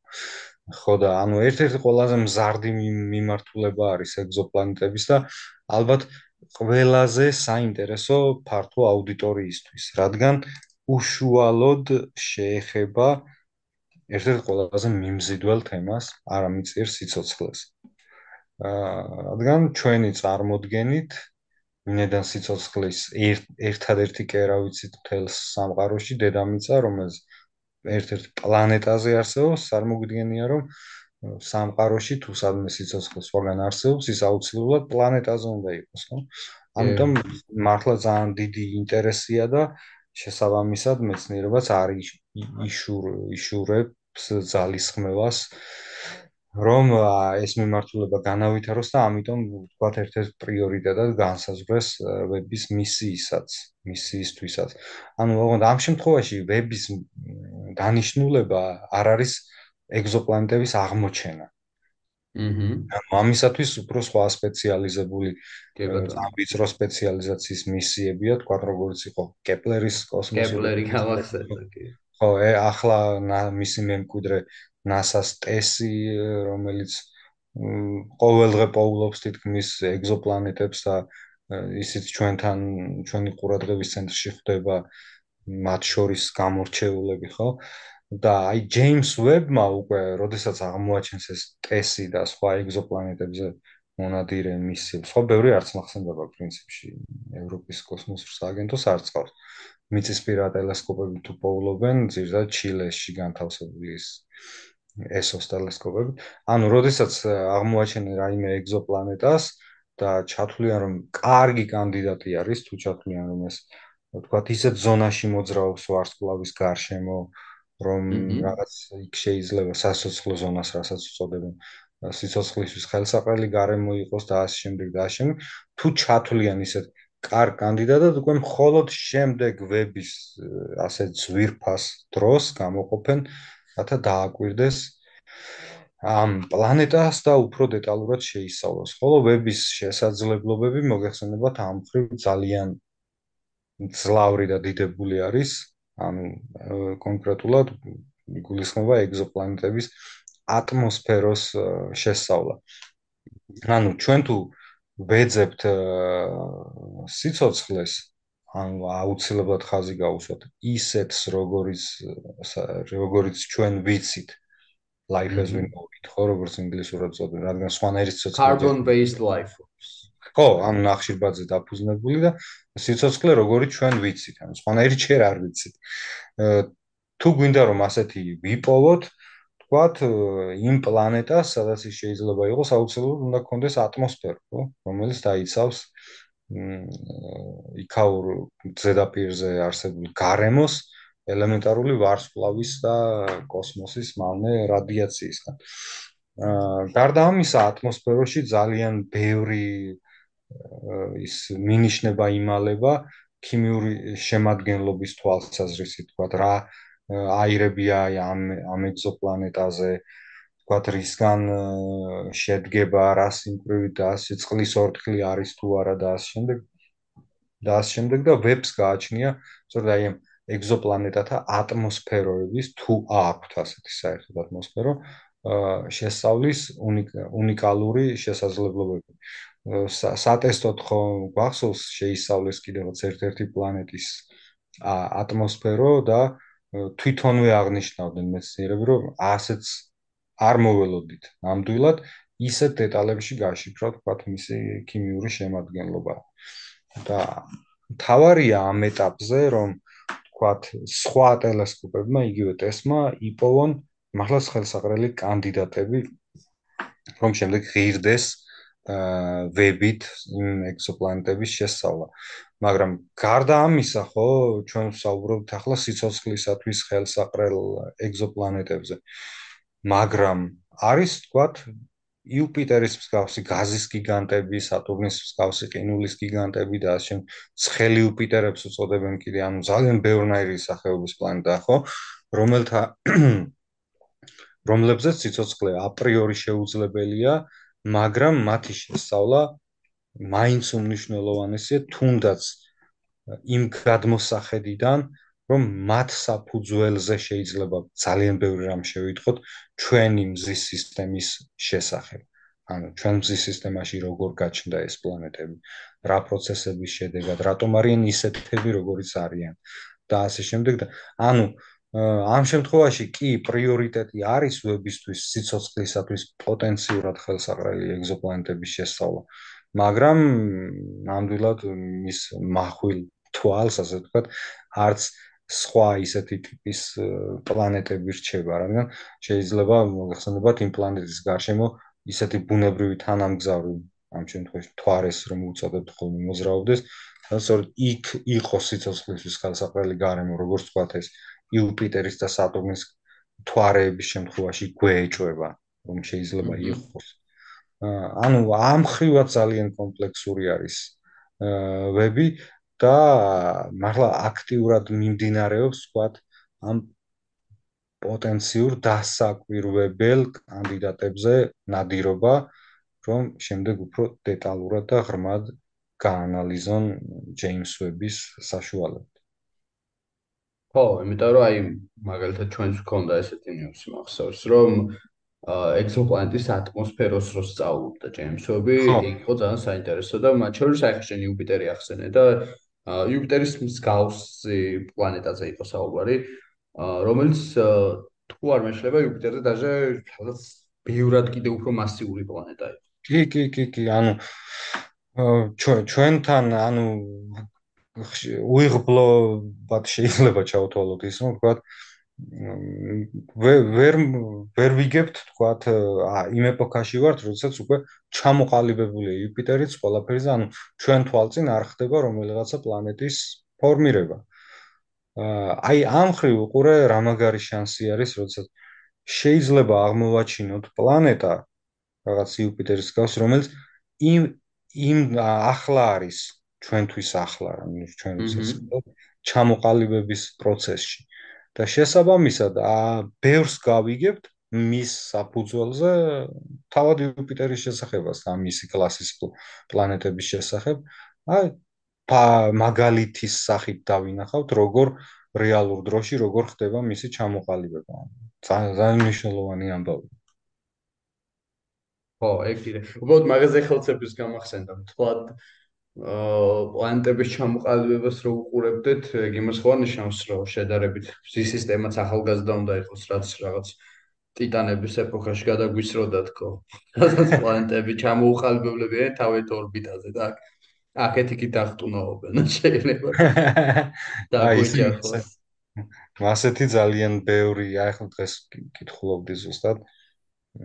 აი ეს ეგზოპლან ვარსკვლავის გარშემო, ანუ პლანეტურ დისკოში, რომლისგანაც ახლა იბადებიან პლანეტები, პროცესში არიან წყალი აღმოაჩინოს. აი გენიალური აღმოჩენა. აი ხო. არა, აი იგივე ეხა მაგაზე გამახსენდა კიდე ორგანული მოლეკულები, ხო? რომელსაც კი, ასევე სწავლობს და ალბათ შეგვიძლია ეხა ეგზოპლანეტები და მაგ თემასაც შევეხოთ რაღაც. მე მგონი უფრო აი დავლაგდით და ისე მიუყვებით. ხო. ანუ აი გულდასაწყვეტი ის არის, რომ ხო, ეხლა კაი რაღაც გამახსენდა, ანუ სიცოცხლის ჩვენთვის ცნობილი ფორმისთვის გადამწყვეტად მნიშვნელოვანია ჟანგბადი, ხო? მის გარეშე ხო ვერ ვერ ანუ ვებს ცოტა დაბალი აქვს ჟანგბადის დაფიქსირების უნარი. მ სამწუხაროდ. ანუ ნიშნები შეიძლება დააფიქსიროს, მაგრამ გადაჭრით ვერ როგორც ამბობენ, ვერ განსაზღვრავს აა ჟანგბადის არსებობას ან არ არსებობას. მაგაზე მახსოვს რომ შეიძლება იყოს მას სხვა მიზეზიც იყოს, რომ მაგის ატომაც ამას ეგონოს, შეიძლება ეგონოს, რომ ჟანგბადი დააფიქსიროს. ხო, ანუ არა არა არ არის გათვლილი. სანდო ბოლომდე. ხო, სანდო, მაგრამ გული არ დაგწყდეს, ახლა შემდება ის 30 მეტრიანი ტელესკოპი ძალიან დიდი ჩილეში. ისიც ის იქნება აი კონკრეტულად ეგზოპლანეტებზე მონადირე, ევროპის სამხრეთული ობსერვატორი აშენებს და იმას ექნება გაცილებით მძლავრი შესაძლებლობა ჟანგბადის დაფიქსირებით. თუმცა ახლა ვებს არაერთი მინიშნების დაჭერა შეუძლია, ვთქვათ, სიცოცხლის პოტენციურად არსებული სიცოცხლის კვალის. ძალიან ბევრი ხე ბიოხელწერა ეს ესე უწოდებენ.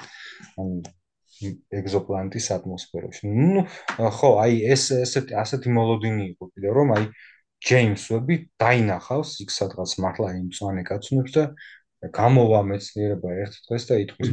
ჯეიმს ვებმა აღმოაჩინა არამიწიერი სიცოცხლე არა, ეს აპრიორი ჯეიმს ვებმა შეიძლება აღმოჩინოს ნიშნები, ანუ შეიძლება აჰა, ისეთი ნიშანი იყოს, რომ აი წყალი არ გაუვა. ვიცით, რომ სიცოცხლის გარდა აა ეს ნიშან ამ ნიშანს სხვა რამე ვერაფერი პროცესი ვერ წარმოქმნიდა. მაგრამ მეცნიერება ხო ძალიან ფრთხილია ამ შემთხვევაში. მაინც არავინ არ იტყვის გადაჭრით, რომ ჯეიმს ვებმა სიცოცხლე აღმოაჩინა, სანამ უშუალოდ არ სპეციალიზებული მისია არ დაადასტურებს, ხო? ხო, აი, შენ ახლა თავში ახსენე კიდევაც, რომ უძველესი ორგანული მოლეკულებიო და საუბარი არის რეალურად 12 მილიარდი სინათლის წლის მოშორებით მდებარე გალაქტიკაზე, სადაც ეს წარმოიდგინე რამ რამ რამ რამდენად ძველზე და შორს. ხო, და ნახშირბადი არის ხო ჩვენთვის ნაცნობი ფორმის სიცოცხლის საშენი მასალა. ხო არა ანუ და ანუ ეს არის რეალურად ყველაზე ძველი როგორც ვიცი მე ხო ჩვენ ცნობილი ძველესი მსგავსი ნიმუშია რა საკამო ხო ნახშირბადი ანუ აქამდე მიიჩნეოდა რომ დიდი აფეთქებიდან მილიარდზე ნაკლებ წელიწადში ნახშირბადის არსებობა შეუძლებელი იყო. მაგრამ ჯეიმსონმა თქვა არა შესაძლებელია აღმოაჩინა კიდევაც თან ძალიან დიდი რაოდენობით ნახშირბადი. კი ბატონო და რავი, მე მგონი შეგვიძლია ხა ძალიან შორს ვიყავით და უცებ ახლოს მოვიდეთ და ალბათ შეგვიძლია მზის სისტემაზეც ვისაუბროთ, იმიტომ რომ აი მე ეს ფოტოებიც მოხსნა ხი ძალიან ლამაზი, ხო? რომელიც ჩვენს პლანეტებს გადაუღო, მათ შორის რა ვიცი. იუპიტერი, ო სატურნი და სატურნის ბოლო, ხო, ძალიან ლამაზი სატურნის რაღაც იმასაუბრებს. განათებას გავს რაღაცა ეს ერთი შავ შავ ფოტოზე რო არის ხო იცი ხო აი ეს მისი ბეჭედი რო ძალიან ანათებს ან ამასაც რო ჩავს რაღაცა ლედი განა არა ამასაც სხვა შორის ამასაც მოყვა სკეპტიციზმი ყოველ შემთხვევაში სხვაგან არც ამიკითხავს, მაგრამ ქართულ აუდიტორიაში. რომ ასეთებსო ეზოდან ტელე ჩვენს ვიღებთ ტელესკოპიდან. ხო, მაგაზე რა შეგვიძლია ვთქვა მზის სისტემის შესწავლაზე, რამდენად მნიშვნელოვანია ეს ყველაფერი, ხო, გარდა ის ფოტოებიო. თავიდანვე იყო ჯეიმს ვების მისიაში ჩადებული მზის სისტემის შესწავლას.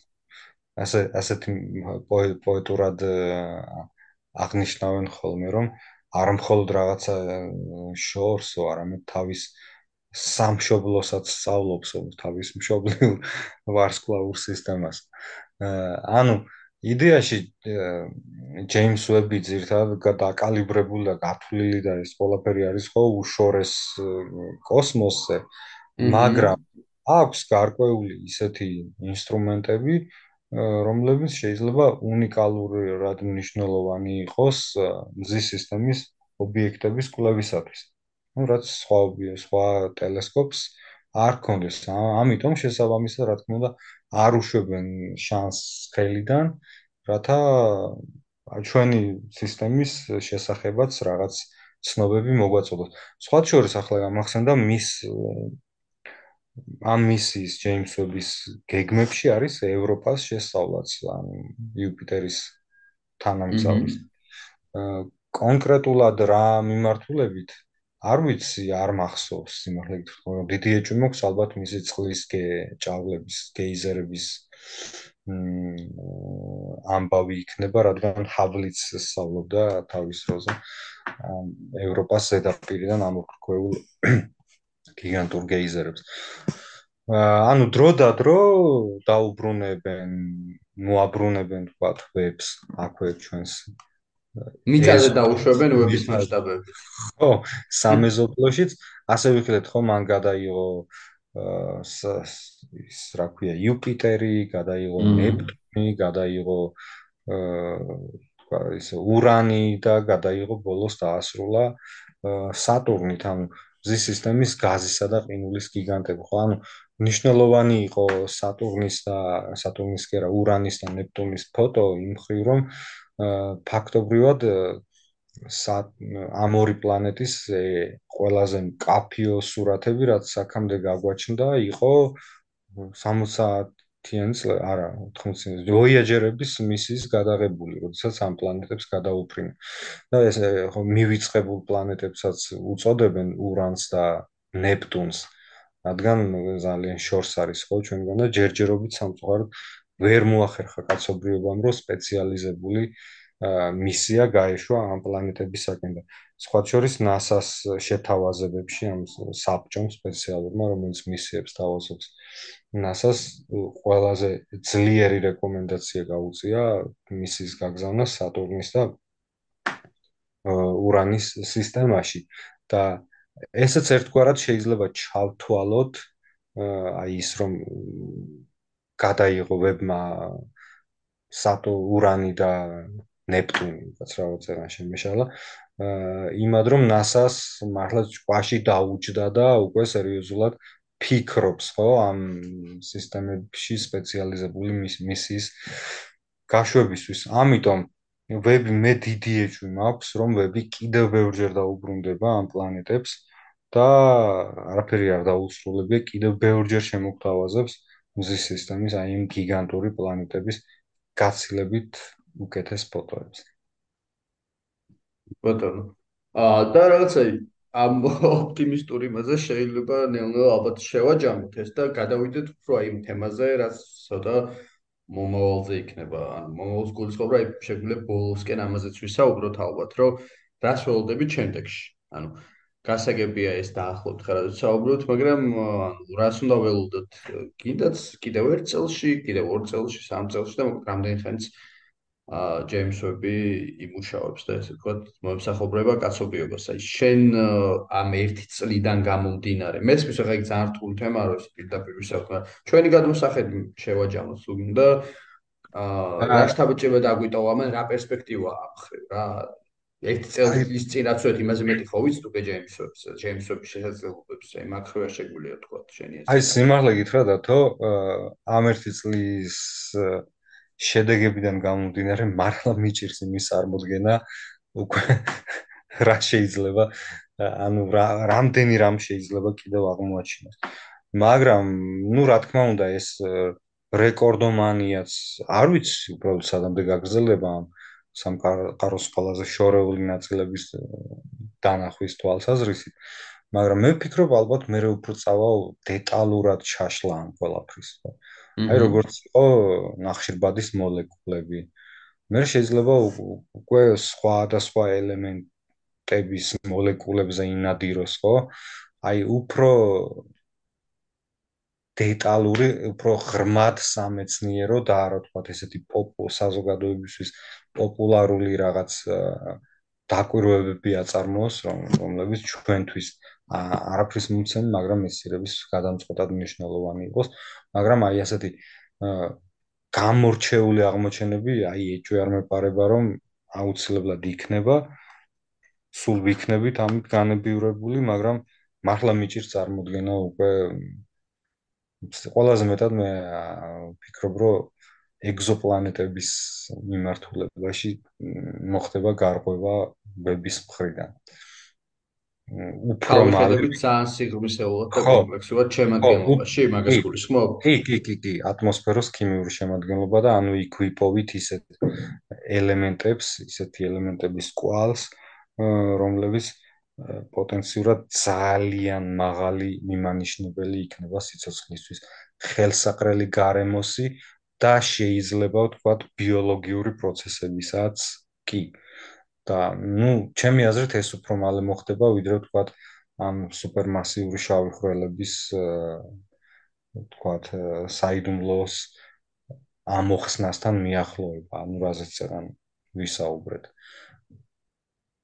აჰა.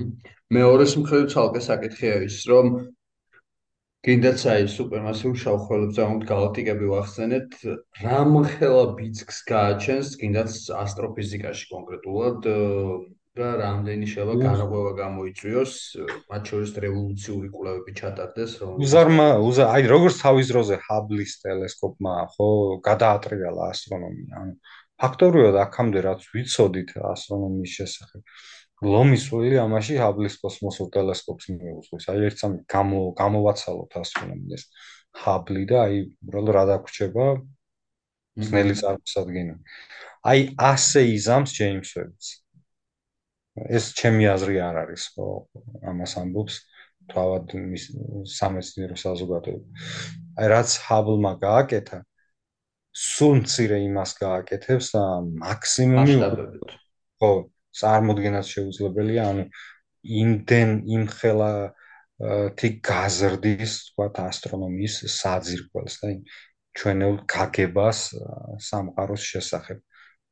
როგორც ჰაბლმა გაზარდა, ანუ ოღონდ დღევანდელ დღეში, რა თქმა უნდა. ჰაბლზე გამახსენდა როგორ არის ჰაბლი ისე მე მგონი კიდე ცოცხალი ხო?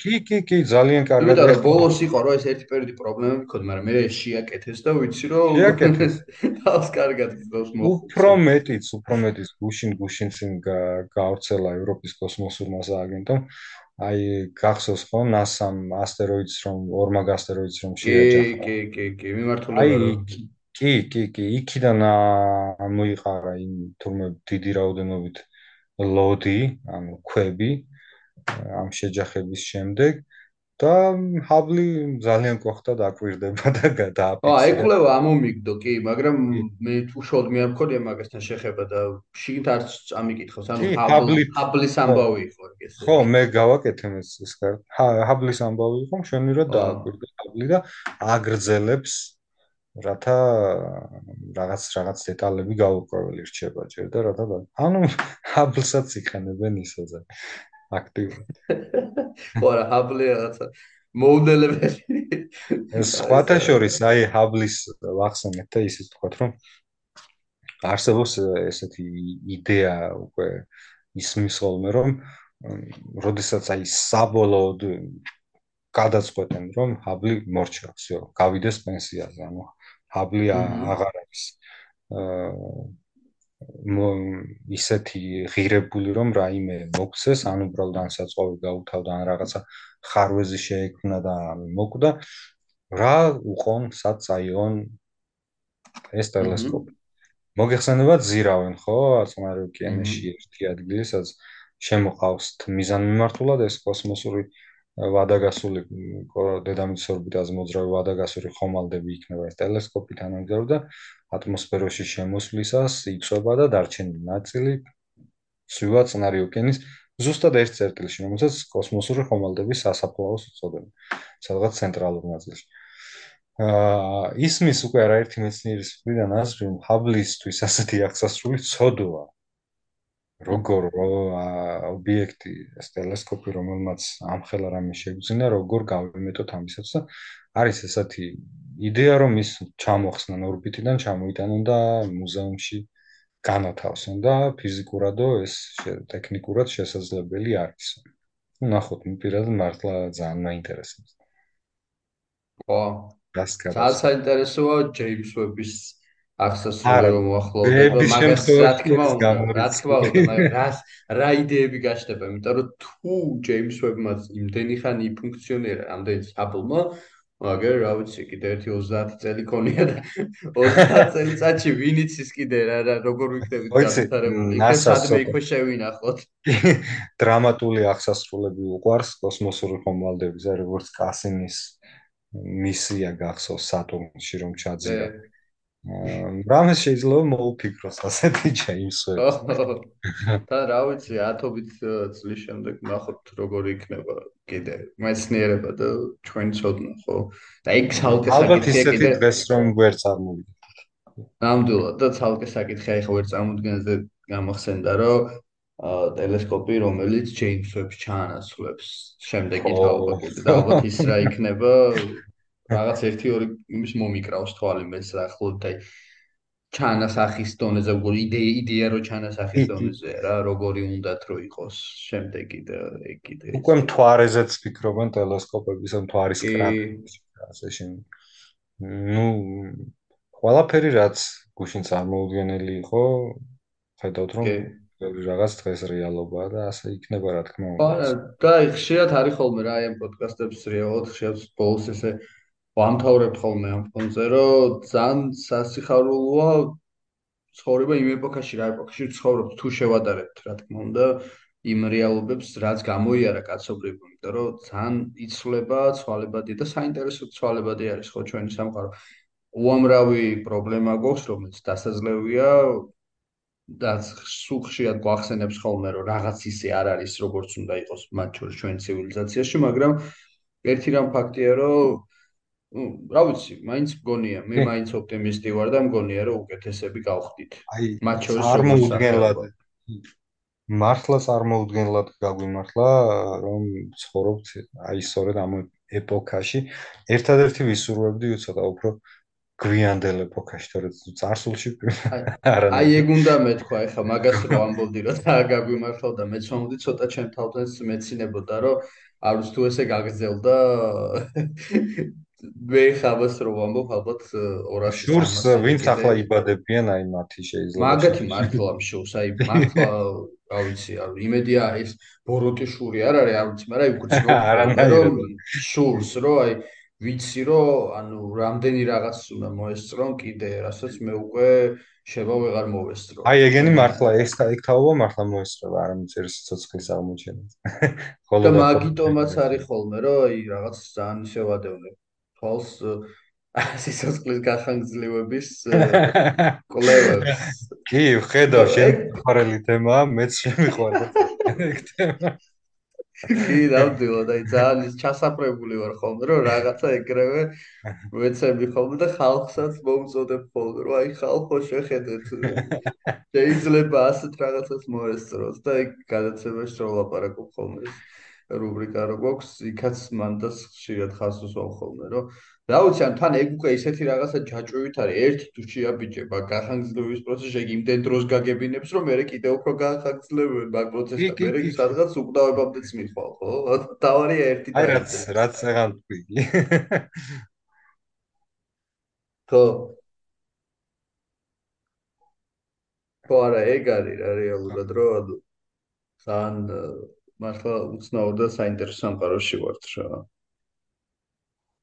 შეგვიძლია ალბათ ხო ნელ-ნელა რაღაც დასრულსკე წავიდეთ. რამე შენ ხო არ გაქვს ისეთი, რასაც დაამატებდი ამ თემაზე, რომ არა, უბრალოდ აი აი აი უბრალოდ იმას დავამატებდი ერთს კიდევ რაც კარგი არის, რომ ჩვენ აა მივხვდავთ იმ ხშირად იმ скеპტიციზმისა, რაც თქვა ჯეიმს ვების მოლოდინებთან მიმართება შეიძლება არსებობდეს. აა მაინც ამ ჩვენ მედია ყოველ შემთხვევაში თქვენი გამოცემა და ეს საზოგადოებრივი მაუწყებელი მაქსიმალურად რომ ვცდილობთ რომ ვების ყოველია ესეთი აღმოჩენა გავაშუქოთ და მივაწოდოთ საზოგადოებას და მომწონს ის რომ ყოველთვის უკავშირიც კარგი არის ხოლმე ანუ სათანადო ანუ ეს იმას ნიშნავს რომ საზოგადოება ახსოვს ჩეინჯები ახსოვს ის რას ელოდებოდა მისგან და აინტერესებთ კითხულობენ და ცდილობენ რომ მიიყვნენ აა მის აღმოჩენებს ეს თავისთავად კარგი არის რა ვიცი ჯერა რომ ყოველ თვე რამდენიმე მნიშვნელოვან აღმოჩენას მაინც შევთავაზებთ. ვების როგორც აქამდე ხდებოდა ანუ ეს ტენდენცია გაგრძელდა. გასასრულს შემიძლია ვთქვა რომ აი ჩვენი თანამშრომელი ლექში სამეცნიერო ჟურნალისტი რომელიც კოსმოსის მიმართულებით ძალიან აქტიურად წერს ხოლმე ჩვენთან და ძალიან კარგად ესმის შენს ნობინო გიორგობიანს გულისხმობ რომელთან ერთადაც ერთი წლის წინ ჩავწერეთ ჩვენ საერთო პოდკასტი ან ახლა არ არის ამ წამს ჩვენთან ერთად ამ პოდკასტზე მაგრამ ზუსტად რომ ამ მიმართულებით ძალიან აქტიურად წერს ხოლმე ნინო და დღეს იყო რომ ზუსტად ნინო იყო გაბრაზებული იმაზე რომ ჯეიმს უებსო მოკლედო ეს ადამიანები აღარ აფასებენო და იმაზე ბრაზდებოდა რომ როცა წერთო ჯეიმს უებზე ბოლ პერიოდში ანუ თვითონ ანუ აქტიურობა მკითხველის იმდენად აღარ არისო რა, როგორც შეიძლება თავიდან იყო ესო რა და გაბრაზებული იყო მაგაზე და არა, ნინოს ვეთანხმები, ეს ლოგიკური იყო, რა თქმა უნდა, მაგრამ სიმართლე მე რაც აღნიშნე რომ აინტერესებს მეთქი იმ გადმოსახედიდან შევხედე რომ უფრო მე უარეს ველოდები ხოლმე ყოველთვის ანუ ველოდებოდი რომ უფრო მინელდებოდა ინტერესი მაგრამ ისე არ მინელებულა და აი არ არც მგონია რომ მინელდეს, იმიტომ რომ იქნება რაღაც ისეთი აღმოჩენები, რომლებიც ანუ საზოგადო ფართო აუდიტორიის თვალში ჯეიმს ვებს ყოველთვის ასე ვთქვათ, აფეთქებს ხოლმე, ანუ ყურადღების ცენტრში მოაქცევს ხოლმე. კი ბატონო, კი ბატონო, ნამდვილად და აი ნინოს მაგიტო გამახსენდა რომ ნინო არის ჩვენთან ყველაზე დიდი გულშემატკივარი ჯეიმს უების და ხუმრობით ეს სამსახურის ჩატში ნინოს ვებიასაც ვეძახით ნინო ვებია და რა ვიცი აბა მოკლედ ფაქტია შეგვიძლია ვთქვათ რომ ჯეიმს უები ჩვენს იმედებს ამართლებს და მართლაც ღირსეული ახალი თვალია ხო კაცობრიობის და დიდი დაუნახაობა იქნება თქვა რომ ვერ გაამართლა ნამდვილად. როდესაც საქმის პროფესიონალი და 10 წლეულები რომ მიუძღვნეს მის შექმნას სწორედ თავად ისინი ამბობენ რომ მათ მოლოდინებს გადააჭარბა და ამ დროს რა ვიცი რიგით საშუალო სტატისტიკური ადამიანი რომ გამოხდეს და ჩემი მოლოდინი არ გაამართლა ცოტა სასაცილო რა ვიცი სასაცილო არ ეთქმის უფრო სხვა რა. ე ბატონო. ნამდვილად. მოკლედ რა ვიცი შეგვიძლია ალბათ დავასრულოთ დღევანდელი ჩვენი საუბარი. ძალიან დიდი მადლობა რომ კიდევ ერთხელ იყავით ჩვენთან ერთად.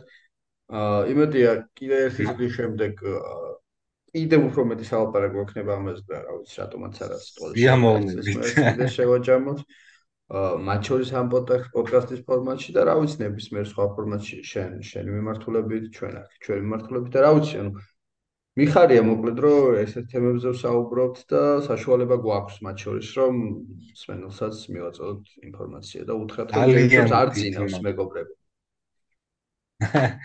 ძალიან დიდი მადლობა დათო თქვენს მთელს თქვენს გამოცემას კოლექტივს იმ საქმისთვის რასაც აკეთებთ. და პირადად მე აი უზომოდ მაყოფილი ვარ რომ თავი რომ დავანებოთ იმას რომ ეს პოდკასტი იწერება ფართო საზოგადოებისთვის უბრალოდ ჩემთვის პიროვნულადაც ძალიან სასიამოვნოა როდესაც ვინმე შეიძლება ასეთ თემებზე ელაპარაკო. მართლა ვისიამოვნე და კიდევ უფრო მეტად გამიხარდება თუ ამით ჩვენი მსმენელიც ისე ამოვნებს და თუ რაიმე ახალს გაიგებს ჩვენი აი ამ საუბრით. დიდი მადლობა. შენცან დიდი მადლობა და რა ვიცი წარმოტევებს გისურვებ ასევე შენ საქმეში. და მადლობა მსმენელსაც რომ მოგვისმინა და ჩვენთან ერთად იყო და რა ვიცი შევხვდებით შემდეგ პოდკასტში. დროებით.